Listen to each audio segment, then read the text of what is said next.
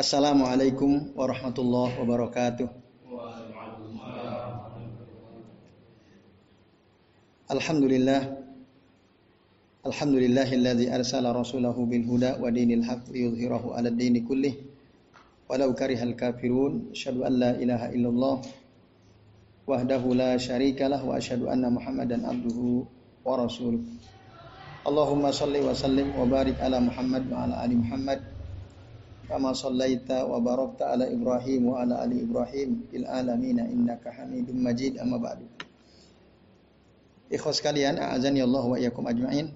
Alhamdulillah pada malam hari ini atas izin Allah kita bisa berjumpa kembali ya untuk melanjutkan ngaji kitab Hilyatu Talibin Ilmi kali karya Syekh Bakar ya bin Abdullah Abi Zaid bin Abi Zaid rahimahullah. Dan malam ini kita akan mulai pembahasan dari halaman 79 ya. Betul ya? yaitu tentang al-muhafadzah ala ra'si malika atau menjaga modal modal kehidupan kita yaitu saati umurika ya waktu-waktu dalam hidupmu jadi ikhwas kalian dalam menuntut ilmu itu ya di antara adab bagi seorang penuntut ilmu adalah menjaga waktu ya menjaga modal dia ya bisa dapat ilmu karena dia punya waktu untuk menuntut ilmu. Oleh karenanya waktu adalah modal ya untuk mendapatkan ilmu. Oleh karenanya harus dijaga. Jangan sampai waktu yang kita punya sia-sia. Maka ada dalam suatu ungkapan yang masyur ya di karangan para ulama ya. ada pernyataan al waktu kasaifi al waktu kasaif ya. waktu itu bagaikan pedang illam koto akan. Kalau kamu tidak potong waktu, maka dia akan memotongmu. Gitu. Atau maksudnya kalau kamu tidak manfaatkan waktumu, maka dia akan memotongmu. Itu ya. Ikhwas kalian, azan ya Allah wa. Waktu itu sangat penting bagi seorang tolib ya, bagi seorang pencari ilmu. Nah, maka kata saya bakar, al waktu ya al wakta al wakta li tahsin Maksudnya jagalah waktu, jagalah waktu untuk ya hal-hal yang bisa menghasilkan atau untuk hal-hal yang produktif. Nah, itu kata saya bakar. Maka pakun hilfa amalin la hilfa totolatin wabatorin. Ya.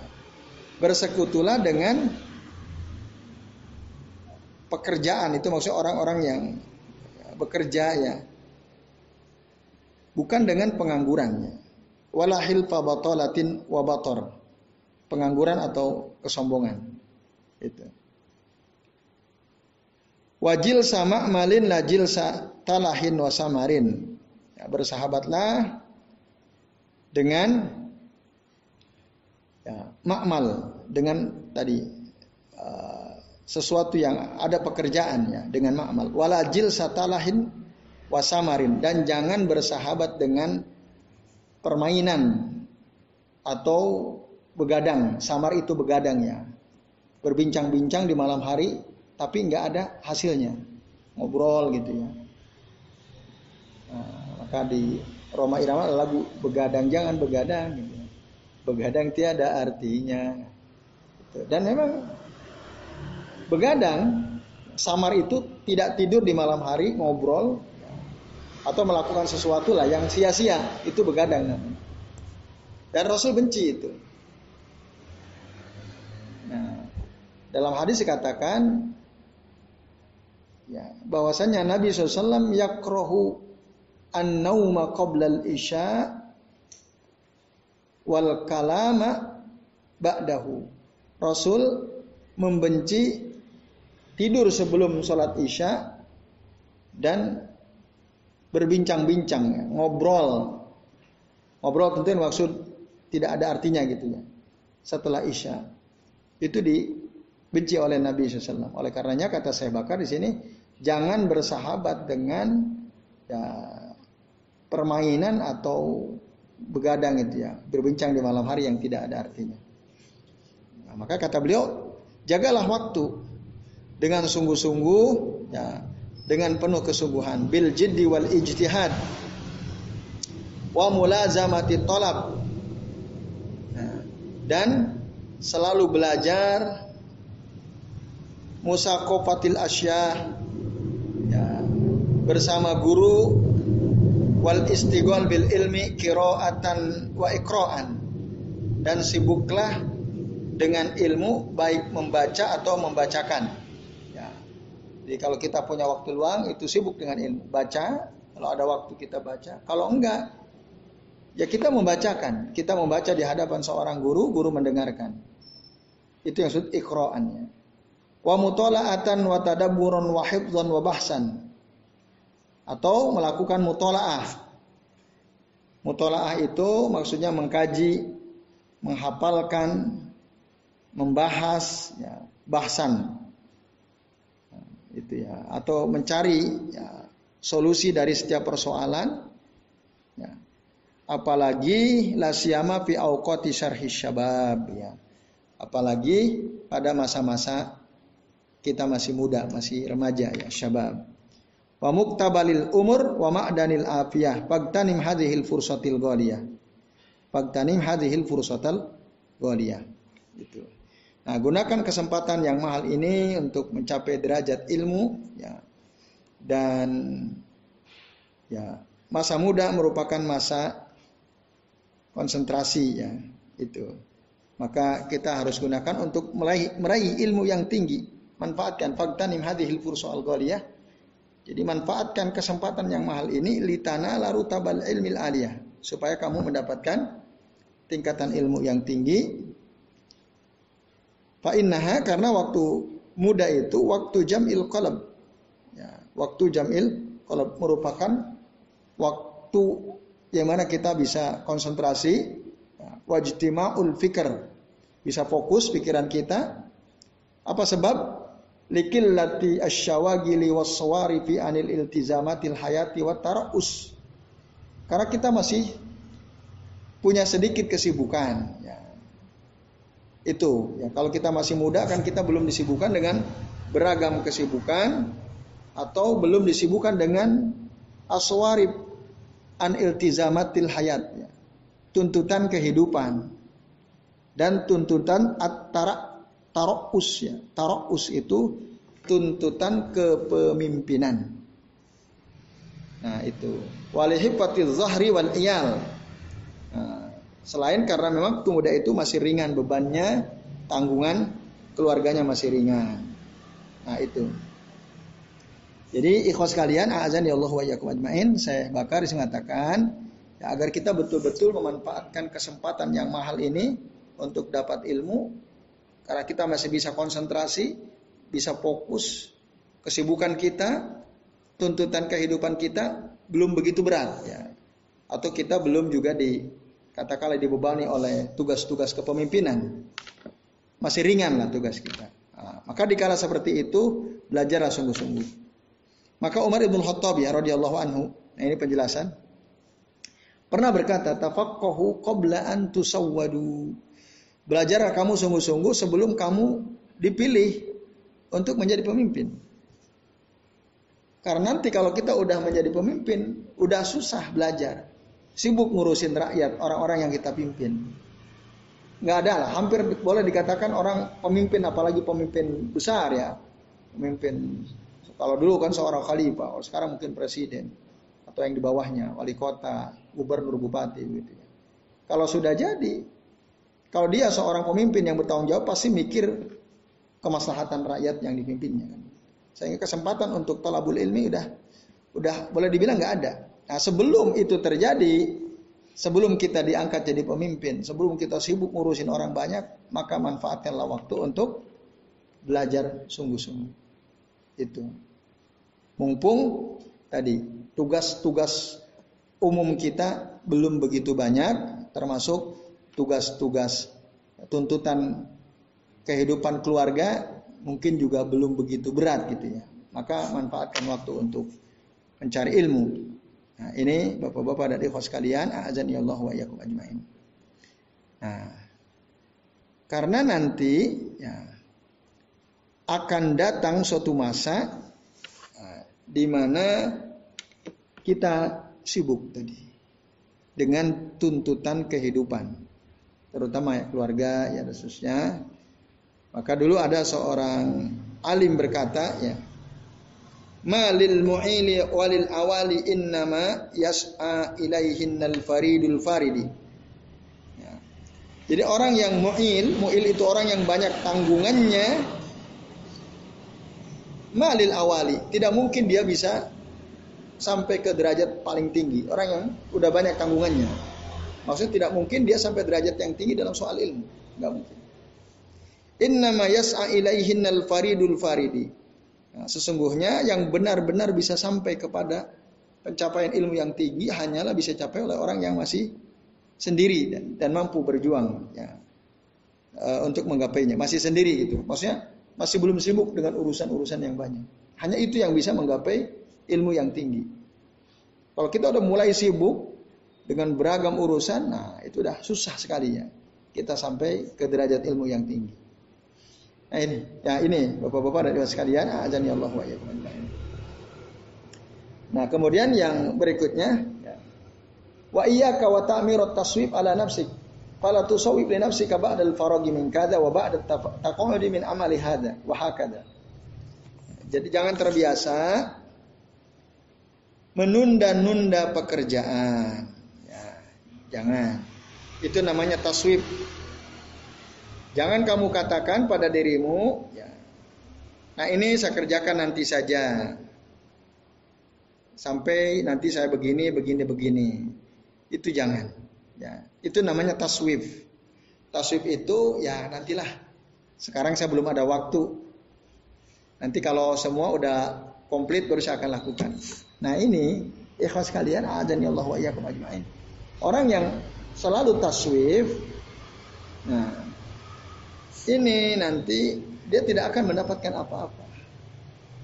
Dalam konteks belajar, ah nantilah saya belajarnya kapan? Kalau pas slow aja, ya atau nantilah kalau usaha saya sudah sukses gitu ya. Nanti saya baru akan hadir ke majelis ilmu. Baru saya akan belajar. Nah, itu namanya taswib. Jadi dia menunda-nunda, tidak segera. Maka jauh itu sikap seperti itu ya, menunda-nunda untuk melakukan suatu pekerjaan atau suatu kebaikan. Maka taswib itu haram. Para ulama mengatakan ada suatu ungkapan juga ya yang dulu kami diajari waktu kami di pondok oleh para ustadz kami bahwa uh, la akhir amalaka ilal ghaddi ma taqdiru an ta'malahu al yauma. Nah ini. La akhir amalaka ilal ghad, jangan engkau akhir-akhirkan pekerjamu, pekerjaanmu sampai besok. Matak diru anta malahu al yauma. Apa yang kamu bisa lakukan hari ini, udah lakuin. Jangan ah nanti besok aja, ah nanti besok aja. Ya nggak jadi-jadi nanti. Nggak jadi-jadi. Itu. Itu namanya taswib. Saya udah seminggu yang lalu ya. Ngumpulin kayu. Mau buat meja itu. Punya proyek buat meja gitu ya. Sampai sekarang saya tunda terus nggak jadi-jadi. Baru berhasil motong satu kayu itu ya. Padahal kayunya udah lengkap saya beli kayu itu ya. Ceritanya mau mau buat meja kerja sendiri gitu ya. Tapi Ya itu nggak jadi-jadi karena apa taswif itu ya. Ah nanti nanti kalau selok nanti kalau selok. Padahal tadi nah hari Rabu itu kan saya libur tuh pagi ya. Itu ya karena santai ya jadi banyak istirahat ya. Akhirnya nggak jadi. Harusnya selesai. Nah itu taswif ya. itu yang kami rasakan sendiri ya. Uh, kalau dulu waktu di pondok itu nyuci pakaian, biasanya merendam, ya, rendam pakaian, kan, kan nyuci sendiri ya merendam katakan pagi, ah nanti cucinya siang aja. Akan gitu, biasanya gitu kalau santri gitu ya, siang. Oh siang capek, ah nanti deh. Untuk istirahat aja kapan? Sore. Ah, di taswib tuh kan udah, udah ditunda tuh. Dari pagi ke siang, eh siang capek nanti sore. Eh, pas sore dia bilang apa? Ah besok kan masih ada waktu. Besok aja deh pagi habis subuh kan gitu. Terus begitu sampai 3-4 hari. Udah bau baru teman-teman ribut nih pakaian siapa bau. direndam gak dicuci-cuci. Nah, baru kita kelabakan tuh. Nah, harusnya itu tidak boleh. Maka tadi la akhir amalaka ilal ghadi ma takdiru anta amalahu al -yawm. Apa saja yang bisa kita kerjakan hari ini, kita punya proyek apa, punya rencana apa, udah eksekusi gitu. Selesai atau nggak selesai lakukan. Jangan ah nanti besok. Kalau udah lengkap, nggak. Apalagi dalam tolabul ilmi itu. Jangan sampai bersikap seperti itu ya. Nanti saja. Kok nggak hadir ke majelis ilmu? Ah masih sibuk ya. Padahal sebenarnya waktu talim itu, waktu majelis ilmu dia nggak sibuk sebenarnya, tapi nanti aja. Nunggu sampai waktu saya luang banget gitu. Nah itu nanti nggak akan jadi-jadi, nggak akan dapat-dapat. Nah itu ya. Maka kata kata saya bakar, ya bersegera sebelum engkau menjadi bukti kebenaran ucapan Abu Kaini, Abu Tohan al Kaini. Jadi doa seorang ulama dimatakan begini. Hanatni haniyatud dahri hatta ka'anni khotilun adnu li sayyidin. Qasirul khotwi yahsibu man ra'ani walastu muqayyadan anni biqaidin. Nah ini ya. Itu kata saya Tuhan Al-Qaini. Dia katakan ya faktor-faktor usia membuatku bungkuk ya terbungkuk. Hanatni haniyatud dahri. Jadi usia itu membuat faktor usia membuat aku bungkuk haniyatu dahri yaitu faktor usia hanat nih telah membuat aku bungkuk hatta ka'anni khotilun adnu lisaidin sehingga diriku ini bagaikan pemburu yang merunduk mendekati mangsa. Pemburu kan kalau mau memburu pengen dapat dia merunduk kan. Nah, mengendap-endap gitu ya. Ka'anni khotilun adnu lisaidin. Qasirul khotwi Pemburu itu kalau udah dekat buruannya, jalannya pasti pelan-pelan kan? Ya, mengendap-endap kakinya pelan-pelan, set, set, set kan gitu. Biar nggak kabur kan buruannya. Nah, yahsibu man ro'ani orang yang melihatku mengira aku terikat. Walastu muqayyadan anni biqaidin. Padahal aku nggak terikat. Bebas gitu. Tapi orang mengira aku ini terikat. Nah, maksudnya apa? Ya sekalian, azan Allah wa ajmain. Nanti ada saat di mana kita ini udah lemah semua, ya, udah payah. Badan kita udah lemah, tulang kita udah ya mungkin banyak yang kropos. Ya. Sehingga kalau kita jalan, jalan kita pelan-pelan seperti kita tadi ya, akan menangkap buruan. Nah, orang ngira kita diikat, malah enggak gitu. Karena kita udah semakin tua. Kalau udah naik usia, bertambah umur, kan tidak sehebat waktu kita masih muda lagi kan. Nah, itu. Nah, oleh karenanya jangan sampai kita menyesal. Pas kita udah payah, baru sadar kalau kita itu harus menuntut ilmu, baru sadar. Tapi udah udah udah udah payah gitu. Nah ini maka jangan sampai itu terjadi gitu. Nah maka bersungguh-sungguhlah mencari ilmu ketika masih punya banyak waktu dan masih gagah. Nah, badan kita masih gagah, waktu kita masih luang, kita belum sibuk ngurusin urusan orang banyak. Ini dewa sekalian, azan ya Allah Dan memang faktanya manusia itu pasti semakin tua, semakin bertambah umur, semakin loyo, semakin lemah. Pasti itu. Maka dalam Al-Quran tuh, surah Ar-Rum, ayat 54. Dalam Al-Quran surah Ar-Rum ayat 54. Allah mengatakan, Allahul ladzi khalaqakum. Dialah Allah yang telah menciptakan kalian min dhafin summa ja'ala min ba'di dhafin quwwah. Allah yang telah menciptakan kalian dari lemah. Kita lemah nggak pertama kali? Lemah kan? Dalam perut kita lemah sekali. Udah lahir pun kita lemah. Ya, Anak-anak kita masih lemah. Summa ja'ala min ba'di du'fin kuwah. Kemudian setelah kita lemah, Allah jadikan kita kuat. Ketika kita beranjak remaja, dewasa, kuat kita. Ya, mungkin dari mulai usia 15 tahun lah sampai 40 tahun. Itu saat di mana kita kuat-kuatnya. Maka jika antum posisinya antara usia itu, sebelum 40. Nah, itu saat-saat istimewa itu. Kekuatan antum maka manfaatkanlah. Karena apa? Karena nanti summa ja'ala min ba'di quwwatin du'fa wa syaibah. Nanti pada akhirnya Allah akan menjadikan kalian setelah kuat menjadi lemah lagi. Nanti akan menurun lagi. Ya, saya mungkin sekarang udah masuk 42, 43 ya. Itu udah kerasa itu ya. Ada hal yang tidak sekuat dulu gitu ya. Nah, itu. Semakin turun, turun dan seterusnya. Apalagi jarang olahraga ya. Nah, itu lebih ini lagi ya. Nah, kalau mungkin rajin olahraga masih mendingan terlatih ya. Yakhluqu ma yasha'u wa huwa al-alimul qadir. Allah menciptakan makhluknya sesuai dengan kehendaknya dan Allah Maha mengetahui dan Allah juga Maha kuasa di atas segala sesuatu. Itu. Jadi Allah memberitahu kepada kita kita itu memang ada periodenya, ada periode lemah, periode kuat, periode lemah kembali. Bahkan yang paling parah betul-betul lemah, pikun, nggak bisa ngapa-ngapain. Wah itu gimana mau nuntut ilmu kan? Ada orang dia guru gitu. Semasa ngajar dia ya hanya ngajar aja. Dia nggak menambah ya keilmuan gitu ya. Guru itu kan kalau ngajar apalagi guru di sekolah ya. Apalagi sibuk dengan masalah administrasi. Wah itu prospek untuk dapat ilmu tambahan sulit tuh. Apalagi kan ngajarnya sama kan dari tahun ke tahun yang diajarkan kan itu ya. Nah, kalau dia nggak kreatif, nggak cekatan, nggak nambah tuh ilmu, ya hanya itu itu yang dikuasai. Nah ini, oleh karenanya ya sebelum saat di mana kita akan Allah jadikan lemah kembali, itu dimanfaatkan. Nah ada nah, guru ini ya tadi saya cerita, akhirnya setelah dia pensiun lemah lemah dan stroke, nggak bisa ngapain, nggak mau ngapain, nggak bisa.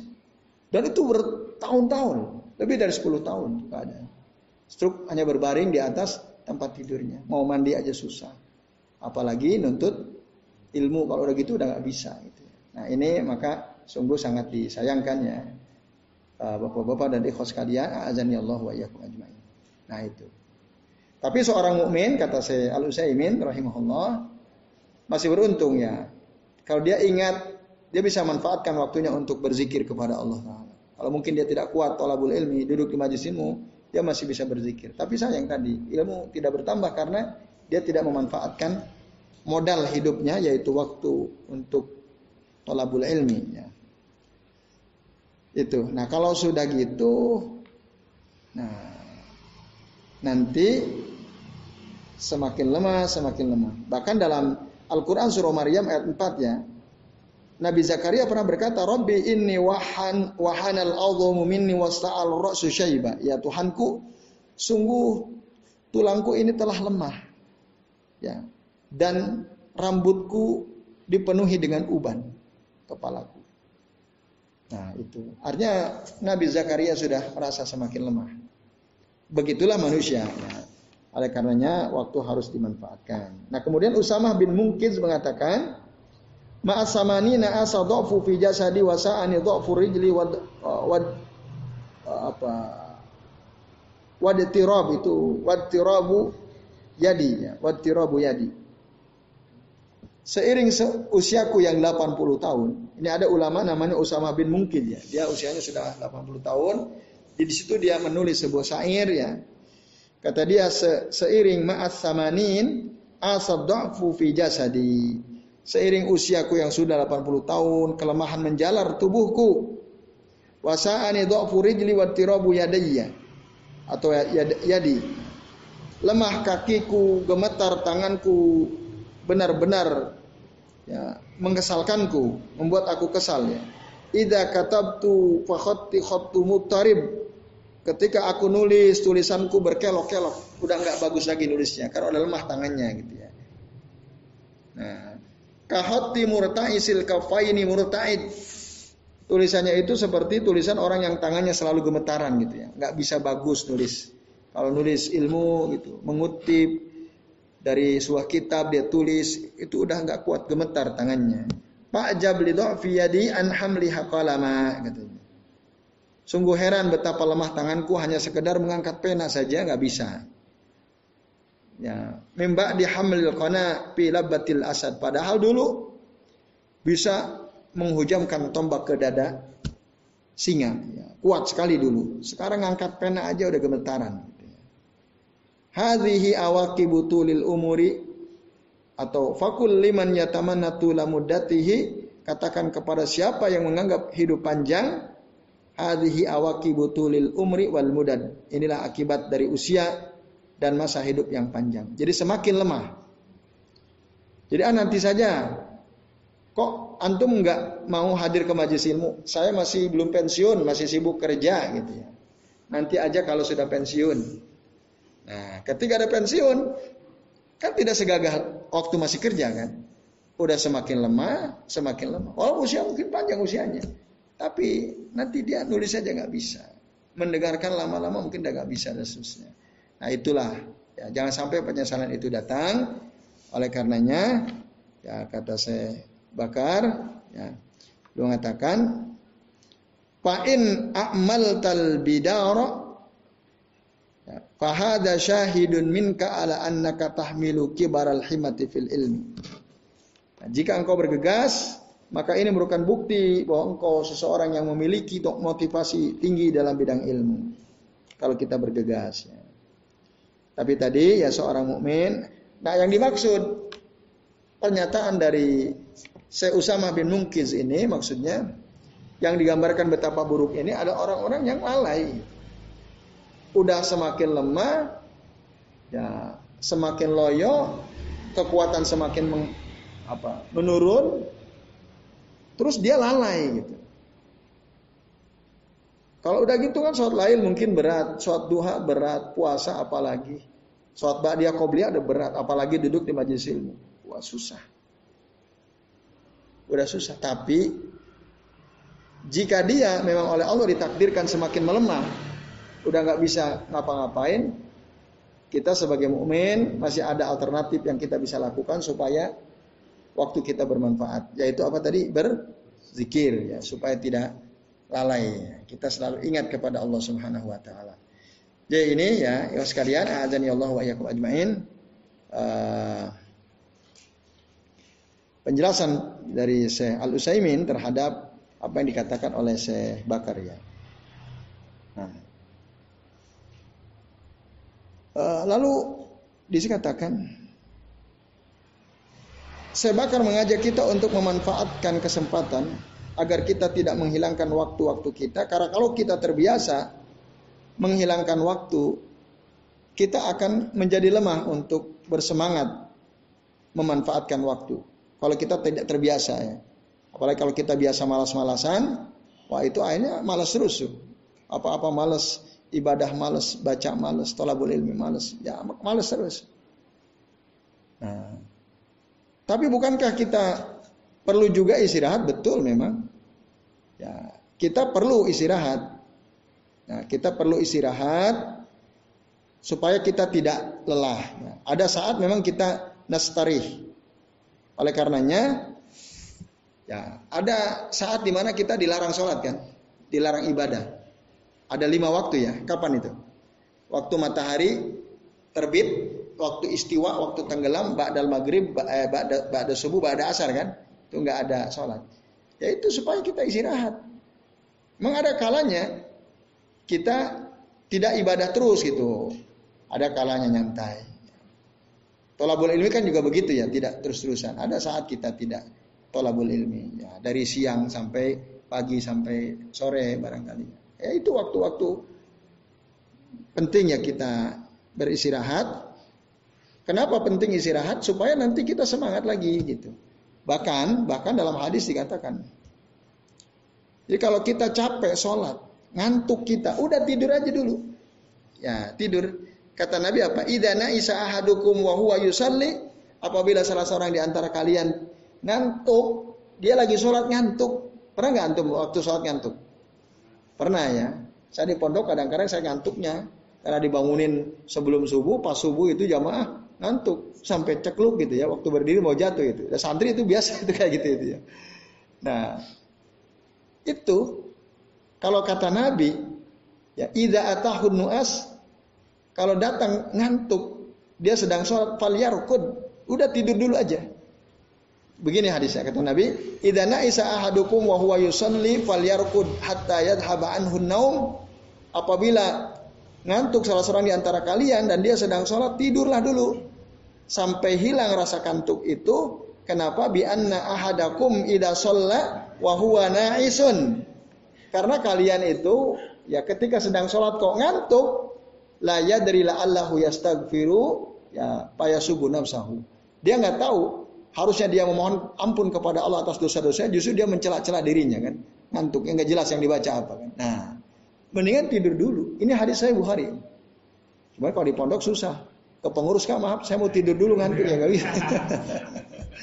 bisa dipukul pakai rotan gitu ya. Nah, tapi kalau kita ini ya udah di masyarakat begini kan, itu kalau betul-betul ngantuk, mending tidur dulu gitu.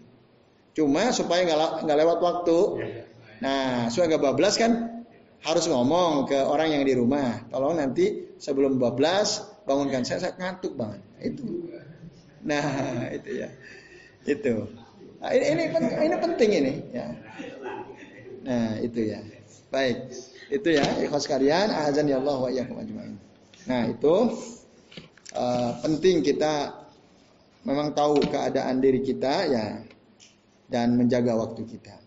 Nah, berikutnya yang terakhir ijmamun nafas, menghibur diri. Nah, jadi antara ada bagi seorang salih dia perlu juga hiburan perlu. Tapi tentu hiburan yang masruh ya, yang diizinkan oleh syariat. Maka dikatakan Khud min waktika suai'at tujimmu biha nafsaka fi riyadil ilmi min kutubil muhadarat was al-ammah alokasikan ya sebagian waktu untuk menghibur diri di taman ilmu melalui buku-buku yang berwawasan umum karena hati itu perlu dihibur sesekali. Ya kalau kita serius-serius gitu ya. Nah, nggak jadi hiburan. Karena baca bukan hiburan gitu ya. Berarti memang kita bukan para pembaca gitu ya. Nah. Ah, itu kalau kalau kalau para ulama dulu membaca perpindahan dari satu kitab ke kitab lain itu hiburan gitu ya. Ya misal kita baca kitab satu kitab terus kan sepanang tuh apalagi banyak persoalan. Nah, untuk menghibur dirinya ya baca buku yang lain gitu ya. Baca buku yang lain yang yang sifatnya ringan-ringan lah. Ya, mungkin kayak bukunya si anekdot Abu Nuwas kayak gitulah kira-kira ya. Yang pengetahuan-pengetahuan umum itu dulu istirahatnya seperti itu, cara menghibur dirinya ya. Maka disebutkan dalam satu riwayat dari Amirul Mukminin Ali bin Abi Thalib ya radhiyallahu anhu kata kata beliau begini, ajimu hadhil qulub wa betagulaha taraifal hikmati fa innaha tamallu kama tamallu al abdan. Itu kata Ali ya. Hiburlah hati ini Carikan untuknya hikmah-hikmah yang unik. Jadi hikmah yang unik tadi. Ya, kalau saya punya buku itu Abu Nu apa? Bukan Abu Nuwas ya. Juha, Juha, cerita tentang Juha. Dan anak saya senang juga saya bacakannya itu. Cerita-cerita pendek tapi ada hikmah. Ada hikmahnya. Contoh misalnya cerita Juha itu gini. Uh, Suatu kali dia punya keledai kan. Keledainya ini mau dia jual di pasar. Keledai itu kalau bersih harganya mahal. Kalau bersih. Nah, Kodarullah nih si keledai juha ini ekornya yang kotor ekornya. Ekornya kotor susah dibersihkan gitu ya. Karena mungkin kena kotoran lama-lama susah kali dibersihkan. Nah, tapi gagah. Perawakannya gagah. Oleh dayanya itu. Kuat kekar gitu ya. Akhirnya sama si Juha, wah daripada nanti nggak laku,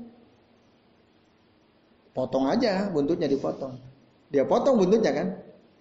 Kelihatan bersih semua kan. Arbannya bersih yang susah dibersihkan buntutnya toh. Nah, akhirnya dia datang ke pasar. Ada orang komentar, wah Juha ini sebenarnya keledaimu gagah sekali. Ya emang gagah. Harganya ya, harganya mahal dong, gagah. Tapi sayang, apa sayangnya? Buntutnya nggak ada katanya. Lah, ada ini buntutnya kata dia. Kamu cari cari buntut apa cari keledai? Kalau cari buntutnya ini buntutnya ada. Nah kan yang mau beli bingung maksudnya buntutnya yang masih nempel gitu kan. Kalau ini udah dianggap cacat. Tapi kata juga ya ini udah ada buntutnya. Nah saya potong karena kalau masih nempel kalian kan nggak mau beli juga karena kotor. Nah supaya bersih maka buntut saya potong gitu. Kalau cari buntut ya ini ada buntutnya. Nah itu. Nah itu kayak buku-buku itu kan apa membuat kita tersenyum kan. Ada satu peristiwa lagi dia punya tetangga, tetangganya itu suka pinjem. Apa-apa pinjem, apa-apa pinjem. Kalau kita mau, mau nyangkul, pinjam cangkul, mau gergaji, pinjam gergaji. Pokoknya apa saja yang dia butuhkan, nggak mau beli dia pinjam ke tetangganya. Bahkan sapu aja saya pinjam sapu gitu ya. Misalnya, Juha itu kesel. Ini orang kok pinjam. Nah, yang sering dipinjam itu keledainya. Kendaraan kalau kita motor lah sekarang ya. Dipinjam terus. Hampir tiap hari pinjam di tetangganya. Suatu kali pagi-pagi dia udah ketok pintu. Juha, apa? Biasa ini. Apa biasa? Ya pinjem lah, pinjem keledai mau aku mau ada keperluan. Udah dibawa anakku ke pasar, kata si Juha. Oh iya toh, iya. Baru mau balik si, ta, si tetangganya ini mau mau kembali pulang kan? Kan berarti nggak ada kan keledainya. Eh tiba-tiba dari belakang rumahnya ada suara keledai melenguh. Gimana suara keledai itu? Ya begitulah ya. ya, melenguh. Akhirnya si tetangganya bingung lah. Kata dia, keledainya dibawa anaknya ke pasar. Tapi kok ada suara keledai di belakang rumahnya. Ketok lagi pintu. Eh Juha, kamu bilang keledaimu dibawa anakmu ke pasar. Tadi waktu aku mau pulang, aku mendengar ada suara keledai dari dalam belakang rumahmu. Kata Juha apa? Kamu lebih percaya sama manusia apa keledai? Kalau dia bilang keledai berarti kamu orang bodoh lebih percaya sama hewan daripada manusia kan? Tapi kalau kamu bilang ya percaya manusia, sudah pulang sana kamu kan? Nah, akhirnya kalau asli ininya bingung tetangganya ini. Kalau dia bilang lebih percaya keledai, ya dia akan dibilang bodoh. Masa ada manusia lebih percaya hewan daripada ke manusia kan? Tapi kalau dia bilang lebih percaya manusia, buktinya dia ada suaranya kan. Nah, akhirnya bingung, nggak jadi tuh pinjamnya. Nah, itu jebakan si Juha ya. Nah, cara berpikir yang nyeleneh tapi tetangganya nggak bisa jawab juga gitu. Nah, itu contoh ya, ada buku-buku yang gitu itu bisa kita baca untuk menghibur hati kita ya. Karena kalau yang serius-serius ada saat di mana kita lelah, capek. Maka kata Ali, e, karena hati itu mengalami kebosanan, akan bosan sebagaimana badan mengalami kelelahan. Kama tamallul abdan. Kemudian Syekhul Islam Ibnu Taimiyah mengatakan, ya rahimahullah, semoga Allah rahmati beliau, bi hikmatin nahyi an tatawwu'i fi mutlaqal mutlaqil awqat. Dia berkata mengenai hikmah larangan menjalankan sholat atau ibadah tatawu setiap saat.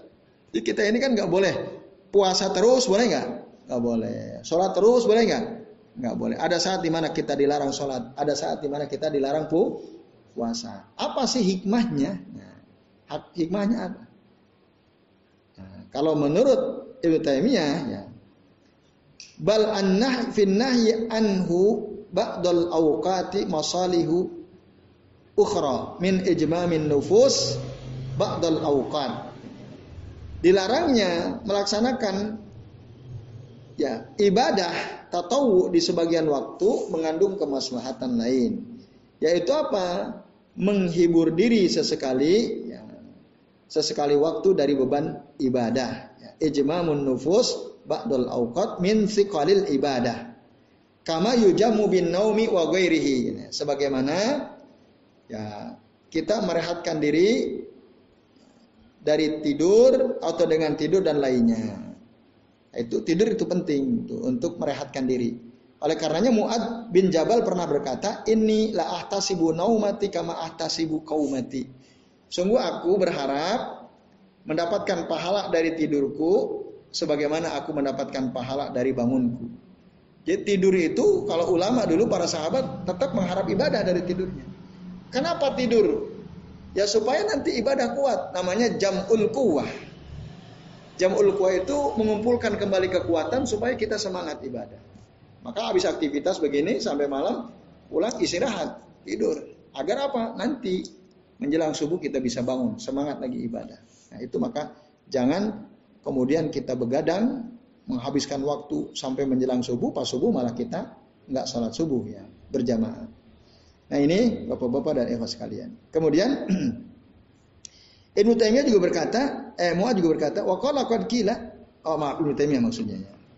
Beliau juga berkata ya, dalam kitab Majmu' Fatawa, Inna min jumlati hikmatin nahyi an tatawu al-mutlaq fi ba'dil awqat ijmam an-nufus fi waqtin nahyi litanshatu lis-shalah fa innaha tanbasitu ila ma kanat mamnu'ah minhu wa tanshatu lis-salati ba'da rohati wallahu a'lam bahkan ada yang berpendapat salah satu hikmah dilarangnya kita untuk melaksanakan ibadah tatawu ibadil awqat ada dalam apa? Menghibur diri ya, pada masa-masa yang terlarang tersebut agar nanti kita semangat lagi untuk sholat.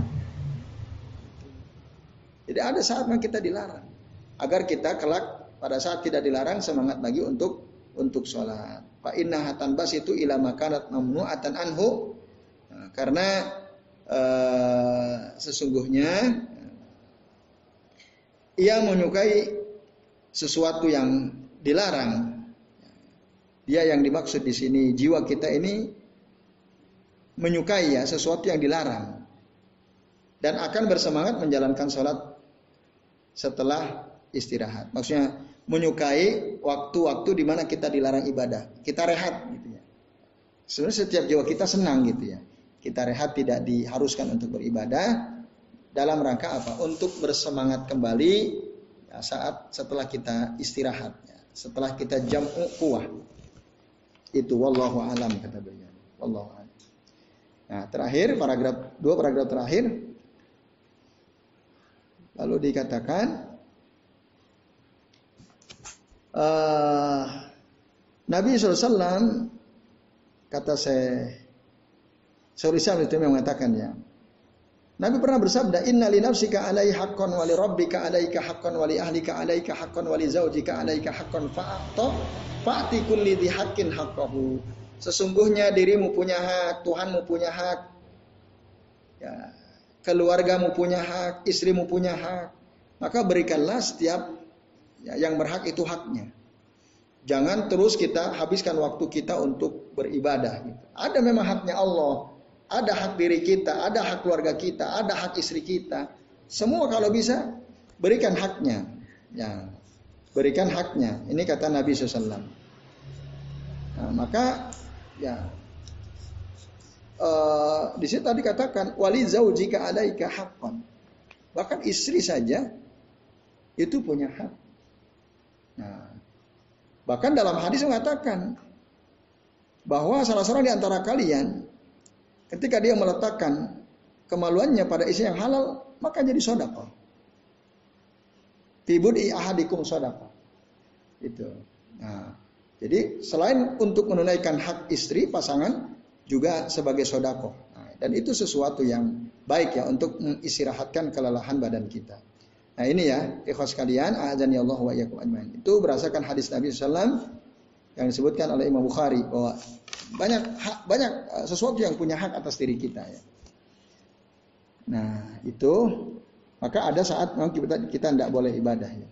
Itu dalam rangka hikmahnya dalam rangka supaya kita istirahat bisa semangat lagi untuk beribadah kepada Allah Subhanahu wa taala.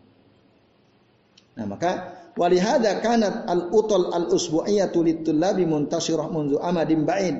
Karena itu liburan ya, liburan pekanan bagi para penuntut ilmu, bagi para murid sejak dulu itu sudah ada. Ya, orang yang di pesantren, di pondok-pondok, di ya, Dulu zaman Rasul juga para sahabat nginep untuk belajar. Yaitu so cikal bakal pesantren itu sudah aja sejak Rasul SAW. Kan rumah Rasul dekat Masjid Nabawi. Mereka pada nginep. Nginepnya di mana ya? Di masjid itu, di teras masjid. ketika Rasul keluar ada majelis mereka terus ada yang seminggu, sebulan khususnya. Itu para sahabat belajar kepada Nabi. Nah, tapi di antara perjalanan waktu dalam sepekan itu ada biasanya waktu di mana free ya, waktu libur, waktu libur. Dari dulu ya sudah ada ya. Dari itu kebiasaan yang dulu. Biasanya kalau dikatakan wa kanat al aglabu fiha yaumal jumu'ah.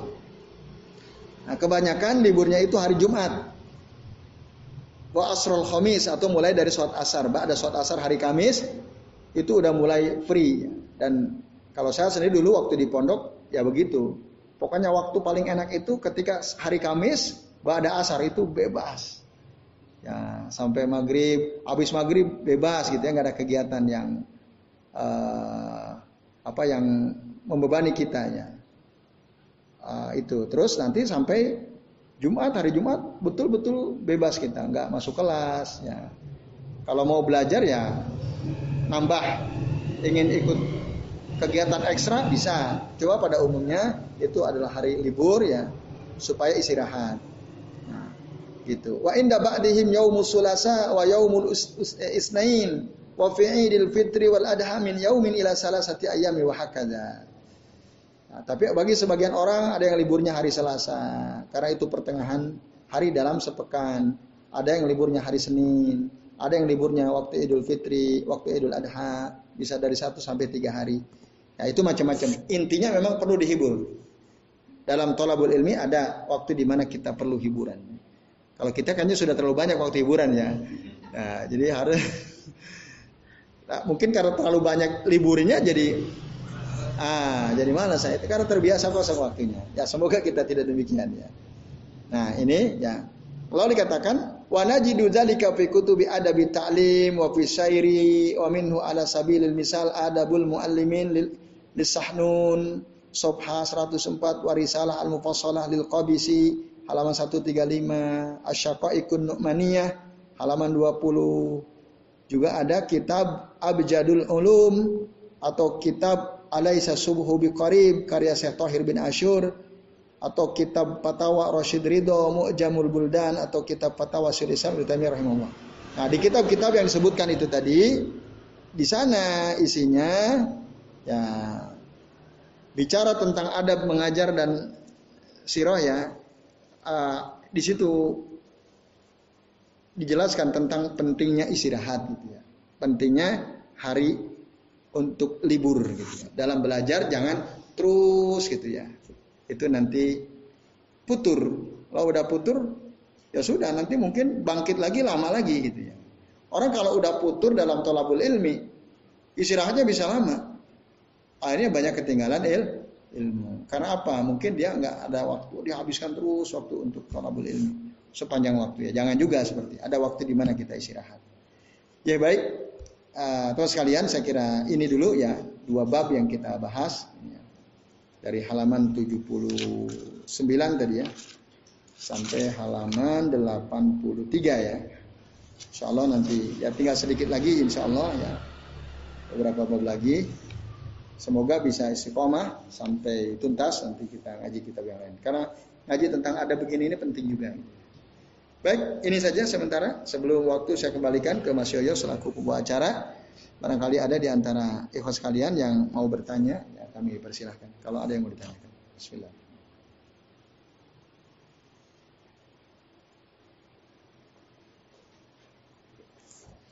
Sudah jelas ya? Baik, saya kira sudah jelas insya Allah. Ya, poin-poinnya adalah tadi perlu liburan, ya, menghibur hati perlu, Macam-macam lah caranya. Oh tadi ya contohnya baca buku yang ringan-ringan gitu ya. Yang biasanya berat-berat, yang ringan-ringan. Ya atau mungkin kalau kita sepedahan bersama kan gitu. Dan lain-lain lah. Intinya perlu perlu ada hiburan. Itu yang kedua tadi ya. Nah, kemudian yang pertama tadi manfaatkan waktu semaksimal mungkin. Ya, ketika kita tidak hadir di majelis ilmu berarti kita baca. Maka bagi seorang tolib pencari ilmu itu dia perlu punya kitab gitu. Punya buku-buku yang bisa dia baca saat dia istirahat. Jadi saya kira ini semoga bermanfaatnya. Baik, ini uh, sebelum saya waktu waktu saya kembalikan ke Mas Yoyo ya saya akhiri dulu. Terima kasih ikhwas sekalian, ajani Allah wa ajmain atas perhatiannya semoga bermanfaat. Dan saya akhiri ya wasallallahu ala Muhammadin wa ala alihi wa sahbihi wa baraka wa sallam alaihi ajmain. Billahi taufiq wal hidayah. Wassalamualaikum warahmatullahi wabarakatuh.